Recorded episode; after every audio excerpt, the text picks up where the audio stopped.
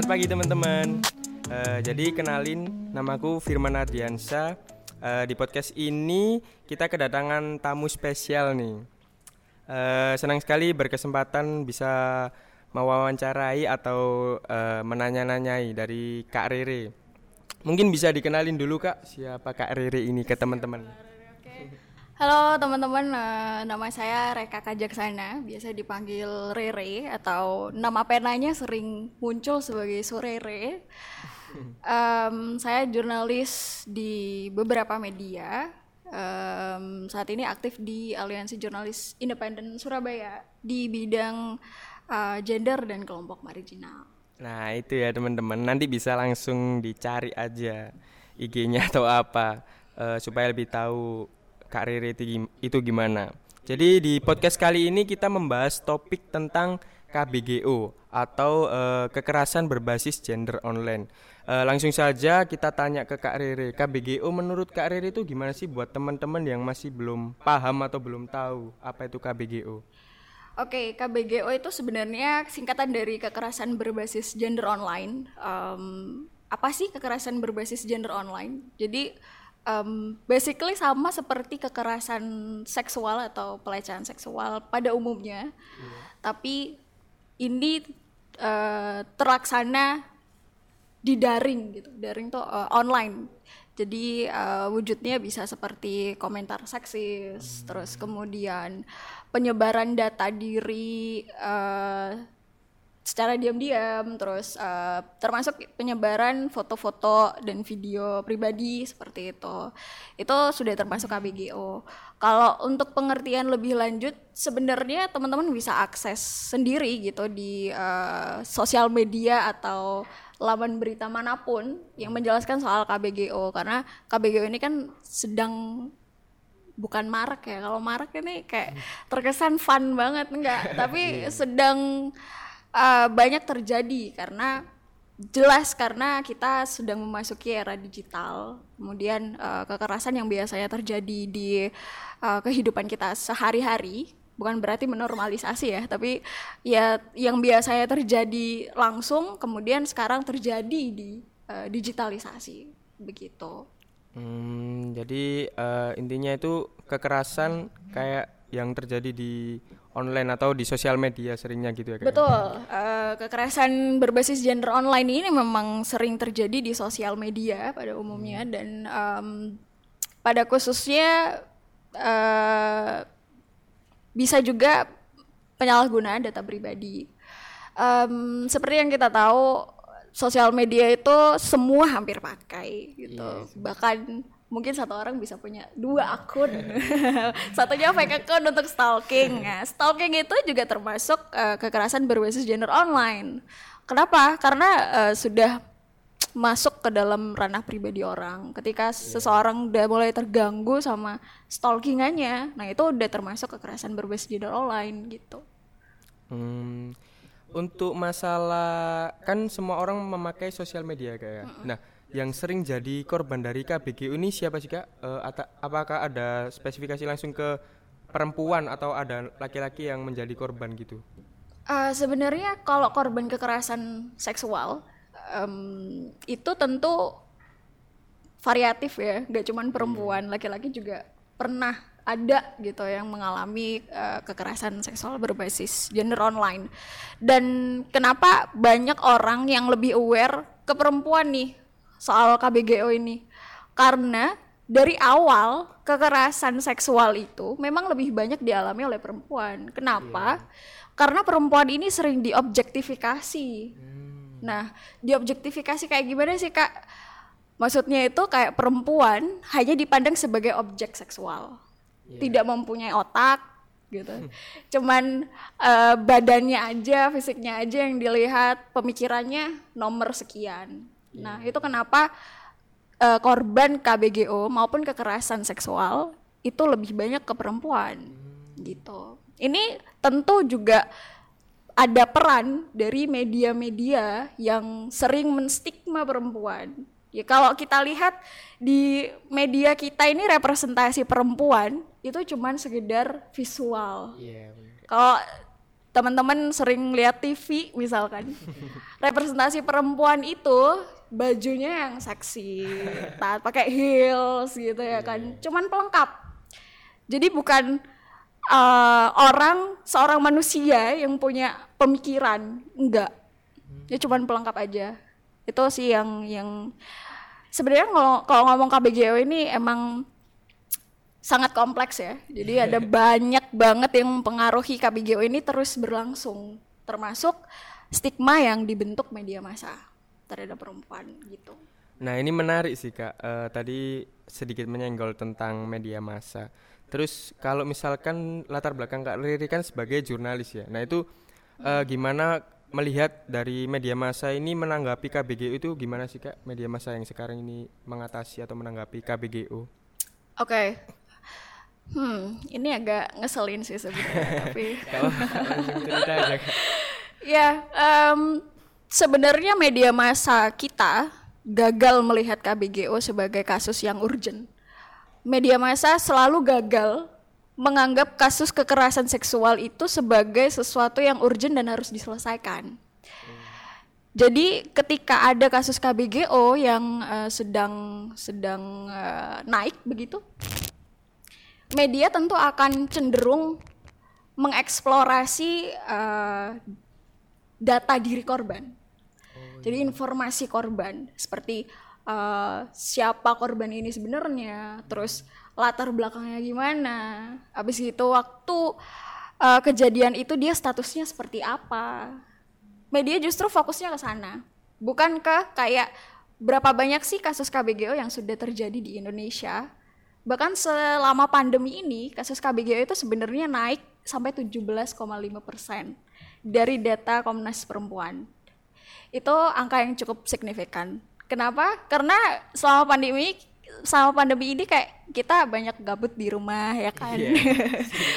banyak main ya. sosial media, terus kalau ada yang bening sedikit ya jarinya itu nggak bisa diem gitu. Hah, itu yang jadi problematik. Iya. Dan media eh, nggak mau ngelirik ke sana. Media nggak mau membredel satu persatu apa sih yang nyebabin KBGO ini tetap langgeng. Tapi media justru berkontribusi untuk melanggengkan KBGO itu terus terjadi gitu. Itu yang hmm, agak ngeselin sebagai orang praktisi media itu kayak kesel banget ya. Agak kayak apa ya, memaki diri sendiri gitu. Emang tapi kenyataannya seperti itu dan apa yang dilakukan Aji dari tahun ke tahun memang mendeg- mendegradasi hal-hal yang yang yang demikian gitu. Mulai dari eh, pemberitaan kekerasan seksual, kita juga sering em, bikin workshop-workshop atau eh, diskusi soal bagaimana cara mewawancarai korban kekerasan seksual kayak gitu-gitu sih.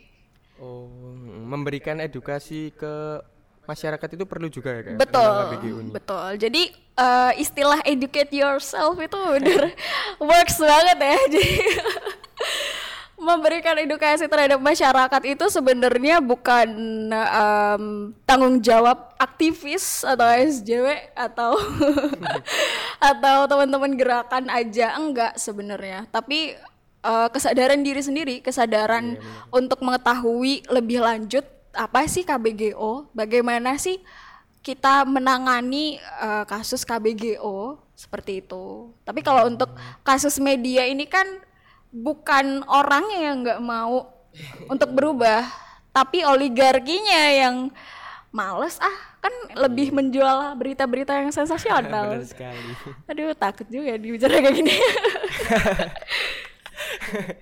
Berarti media itu lebih mentingin informasi-informasi yang mengulik lebih dalam tentang korban bukan malah mencari solusinya gitu ya kak ya? Betul, dalam kasus KBGO memang seperti itu. Em, kita masih sangat segar ingatannya tentang em, kasus KBGO yang sempat dialami oleh salah satu public figure kita. Semua tahu pasti. Dah, ini ini teman-teman masih tahu kan? Karena eh, dari dari kasus itu kita bisa tahu bagaimana media ini memang sengaja mengeksploitasi data diri korban tidak melindungi korban dan justru mendiskriminasi korban. Sampai pernyataan minta maaf pun diglorifikasi oleh media gitu.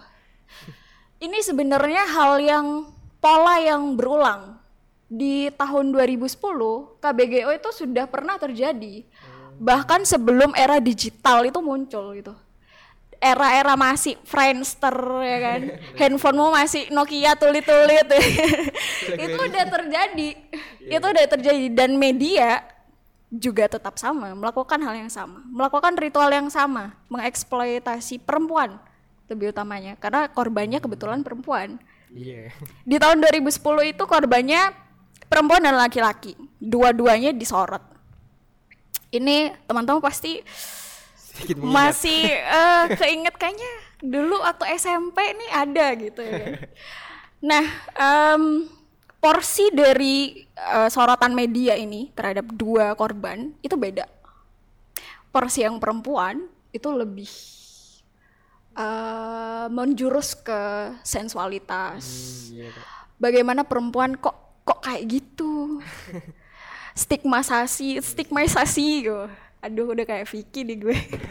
Terus em, bagaimana media ini melihat korban laki-lakinya? Porsinya itu sangat simple. Sekedar dia ditahan. Udah. Itu doang. Bedanya jauh banget. Iya, kalau yang perempuan dia udah masuk ke infotainment ya kan? Ke entertainment apalah. Itu semua channel TV masuk dia. Tapi kalau korban laki-laki nih cuman di berita aja udah kelar. Itu yang ngebedain. Dan itu kenapa media punya dosa besar sama perempuan. Was. si. Si. Oh iya dosa besar sama perempuan memang media. Iya sih. Tapi yang menarik kan tadi Kak Riri berbicara tentang korban eh, antara laki-laki sama perempuan. Nah, KBGO ini kan seringnya itu antara laki-laki sama perempuan ya Kak. Lalu gimana kalau misalkan kasusnya itu perempuan terhadap sesama perempuan gitu Kak? Apakah ada atau gimana gitu? Ya, kasus KBGO itu sebenarnya nggak terbatas sama perempuan ke laki-laki ya. Jadi eh, teman-teman marginal kita juga banyak yang mengalami KBGO, mulai dari komentar seksis, terus kemudian eh, disebarkan data pribadinya, jati dirinya, terus em, sampai penggunaan penyalahgunaan data pribadi atau foto-foto pribadi di sosial media untuk eh, tujuan scammer kayak gitu. Itu sering banget terjadi dan sering banget kita terima laporan itu. Em, kalau KBGO terhadap perempuan terhadap perem- eh, perempuan ke perempuan Iya, perempuan ke perempuan. ini saya sebenarnya agak nggak setuju Kenapa Kak? karena lagi-lagi kita memposisikan perempuan dengan perempuan ini saling bersaing Iya. Kenapa harus perempuan-perempuan? Karena kita eh, sedikit banyak perempuan itu masih ada dalam lingkaran validasi oleh laki-laki. Jadi KBGO yang dilaksanakan dari perempuan ke perempuan itu memang ada. Tapi gak harus untuk dibahas secara spesifik atau eh, secara detail karena sekali lagi itu akan memposisikan perempuan bersaing dengan perempuan yang lain. Tapi memang kasus itu banyak terjadi, kayak perundungan online. Tapi itu nggak termasuk KBGO ya. Kalau KBGO itu jarang banget kayak melakukan eh, penyebaran data pribadi itu jarang banget. Tapi kalau kasus yang baru-baru kemarin itu kan pelakunya perempuan sebenarnya. Oh iya. Pelaku pelakunya itu perempuan dan itu perempuan dilakukan terhadap perempuan lain, ya kan? Iya. Itu terjadi.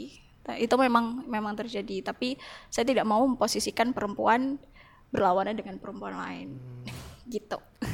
Di sini media juga punya peran yang sangat besar ya kayak untuk eh, Sangat. Ini masalah ini. Berarti eh, ada batasan sendiri ya kayak misalkan tentang masalah eh, KBGU ini misalkan kayak kita ke teman sendiri tuh maksudnya tuh bercanda gitu eh, ada batasan atau gimana kak? Soal bercanda. Iya masalah bercanda Oke, gitu. Maksudnya bercanda gitu. Berarti ini bercandanya di dalam ranah online ya. Iya bener di ranah online gitu kak. Sering banget saya temuin eh, stiker-stiker yang eh, seksis ya. Nah, itu. Seperti kayak stiker yang eh Anda jangan berjanda tuh. That's sexist, man. Stop use emang it. Terus em, hal-hal yang eh ya senada dengan itu banyak banyak digunakan dan masih digunakan. Saya rasa untuk bercanda itu memang harus ada batasnya gitu. Karena ketika bercanda itu udah ke arah seksisme itu bukan lagi bercanda, itu merendahkan harga diri orang lain. Dia merasa lebih eh, unggul daripada lawan bicaranya. Utamanya ketika dia menggunakan em, tubuh perempuan sebagai bahan olokan, itu dia berarti sudah merasa bahwa dirinya itu lebih berharga daripada perempuan dan menganggap perempuan itu sebagai objek. Sekali lagi balik lagi ke objek. Hmm, iya sih kak. Jadi ya itu tadi eh, kembali lagi kayak educate yourself tadi ya kak. ya. Benar. Dari diri Educate sendiri. yourself. Dude, banyak artikel yang harus dibaca ya. Harus mulai paham tentang KBGO itu kayak gimana biar kasusnya bisa berkurang lah seenggaknya kak. ya. Betul. Kalau untuk mengurangi kasus sebenarnya bukan tanggung jawab em, em, satu kelompok saja, tapi tanggung jawab kita semua Iya, gitu. kita sendiri. Termasuk ya diri kita sendiri, gimana kita menahan diri untuk eh, nggak melakukan seksisme, menahan diri untuk tidak menyebarkan informasi-informasi tentang orang lain yang Iya, tidak iya. sesuai konsensual seperti itu. Hmm, ya gitu gitu ya teman-teman. Jadi sering-sering baca artikel tentang KBGO. Nah, di sini tadi Kak Rere sedikit menyinggung tentang karena kita sedang masa pandemi Covid ini ya Kak. Jadi kita lebih sering ke rumah, eh di rumah dan juga main sosial media. Di apalagi di era digital sekarang ini. Nah, itu gimana eh, tanggapan Kak Rere? Maksudnya kayak eh, cara mengatasi KBGO ini gimana sih? Apakah udah ada eh, peraturannya atau udah ada beberapa langkah dari apa gitu cara Iya. uh, mencegah mencegah terjebak di KBGO mungkin ya lebih mencegah. tepatnya. Em, cara mencegahnya ini yang lumayan tricky sebenarnya karena em, yang main sosial media itu sekarang bukan lagi anak usia 18 tahun ke atas. iya ya anak SD udah punya akun Instagram, bahkan udah jadi selebgram juga banyak gitu ya kan. Em, yang bisa kita lakukan untuk tidak terjebak di dalam lingkaran KBGO adalah stop posting, bukan posting ya, lebih tepatnya merekam atau memotret diri sendiri di bagian privat. Hmm iya iya. Itu baiknya di stop dihindari. Karena bisa aja diretas bisa aja kemudian kita kelepasan untuk uh, share ke siapa gitu selain itu selain mawas diri yang seperti itu biasanya banyak nih ku jumpain kasus-kasus yang seperti uh, pap dong. Oh iya. Itu banyak banget. dan itu termasuk KBGO ya teman-teman. Itu termasuk KBGO dan kalau misalkan ada yang ngechat kayak gitu meskipun sayang banget meskipun cinta banget jangan pernah. Share aja pupu lo gitu. paha atau apa gitu atau kaki sekel aja sekel ya. Kan tujuannya cuma minta apa ya kayak nggak tahu Iya. apa apa kan? Ah, atau apa apa nih. Kalau kayak gitu itu udah indikasi banget sebenarnya udah indikasi banget dan bisa berpotensi untuk terjebak di KBGO gitu. Jadi baiknya ketika uh, ada yang tanya-tanya seperti itu yang nggak usah di share alihkan aja pembicaraannya ke hal lain. Kalau marah ya bodo amat masih banyak yang lain ya kan? Jangan sampai terjebak gitu ya jangan ya. sampai terjebak. Jangan sampai terjebak dan jangan share hal-hal yang berbau informasi pribadi gitu. Termasuk foto pribadi iya. Nanti menyesal. Betul menyesal. Iya sih. Eh ya mungkin eh, cukup segini sih kak eh, tentang masalah KBGU ini. Mungkin kalau mau mengulas lebih dalam lagi eh, teman-teman bisa baca artikel mungkin dari kak Rere. Mau menawarkan artikel yang dibaca teman-teman? Em, sebenarnya untuk mengakses informasi KBGO ini sangat mudah. Teman-teman bisa langsung search aja di search engine mana pun tentang KBGO gitu. Pasti udah muncullah banyak berita soal KBGO dan pengertian KBGO. Tapi tidak semua media memang bagus memberitakan KBGO dan layak untuk bicara soal KBGO. Jadi saya menyarankan media-media perempuan seperti Magdalen, seperti konde.co itu media yang bagus untuk ngebahas soal KBGO dan memang proporsinya mereka di situ. Gitu daripada ah nanti sebut merek gak jadi deh. Nanti kena dong. kena deh. Mungkin dari Kak Riri ada pesan terakhir buat teman-teman. wah serem banget pesan terakhir. Ya, kesimpulan yang bisa didapat dari topik podcast ini buat teman-teman korban atau mungkin eh, biar nggak kejebak dalam KBGU ini kak mungkin kesimpulannya. Em, kesimpulannya adalah KBGO adalah kasus yang sangat kompleks. Jadi untuk membicarakan KBGO itu nggak cukup sehari semalam. KBGO tuh punya banyak faktor dan faktor terbesarnya adalah media. Karena media itu kacamata masyarakat. Iya dari media masyarakat bisa berperspektif. Media itu kayak wakil dari perspektif orang-orang gitu. Jadi ketika media menghasilkan sampah yang dikonsumsi juga sampah gitu. Iya sekali. nah em, kesimpulannya adalah bagaimana kita harus menanggapi soal KBGO ini. Ya kita pinter-pinter. Pinter-pinter ngelihat KBGO itu apa. Pinter-pinter milah-milah baca. Banyak banget artikelnya yang bagus. Banyak banget media yang justru non populer yang justru karyanya bagus banget. Daripada media-media mainstream yang karyanya sampah banget. Gitu. Jadi kesimpulannya seperti itu. Kesimpulannya ini. Kesimpulannya hati-hati ya guys. Jadi pilih-pilih pilih-pilih banget. Kalau untuk kasus KBGO ini emang kompleks. Kita nggak cukup nggak cukup di sebenarnya 10 menit untuk ngobrolin KBGO ya kan. Kalau tiga hari tiga malam gue jabanin sih ini. Yang nonton. Yang nonton juga, aduh Kak. pusing nih.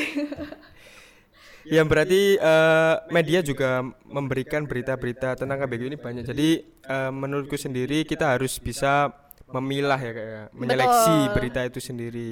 Jadi jangan langsung percaya terhadap satu berita atau satu media karena belum tentu eh, berita itu itu eh, maksudnya kayak mengangkat benar-benar topik KBGU ini kayak gimana. Malah nantinya yang ditakutkan malah mementingkan kepentingan dari media itu sendiri. Betul. Sama kayak kalau kalian makan makanan, ada makanan basi, ada makanan yang enak, yang Iya. sehat. Masa mau makan makanan basi sih? ya mules dong. Iya. Sama itu kayak konsumsi media-media yang produksi sampah terus. Ya mules. jadi bego nggak jadi pinter. iya masyarakatnya jadi kayak gitu jadi eh, mungkin sampai sini aja ya kak Rere Eh, lain kali mungkin ada kesempatan waktu lagi untuk berbicara dengan kak Rere mengenai KBGO lebih dalam lagi Eh, jadi terima kasih buat teman-teman yang udah nonton Eh, jangan lupa membaca artikel tentang KBGO dan jangan sampai jadi korban KBGO iya, jangan sampai. jadi di sini aku Firman Ardiansyah undur diri dan juga Rere signing off. Oke, dadah teman-teman. Makasih.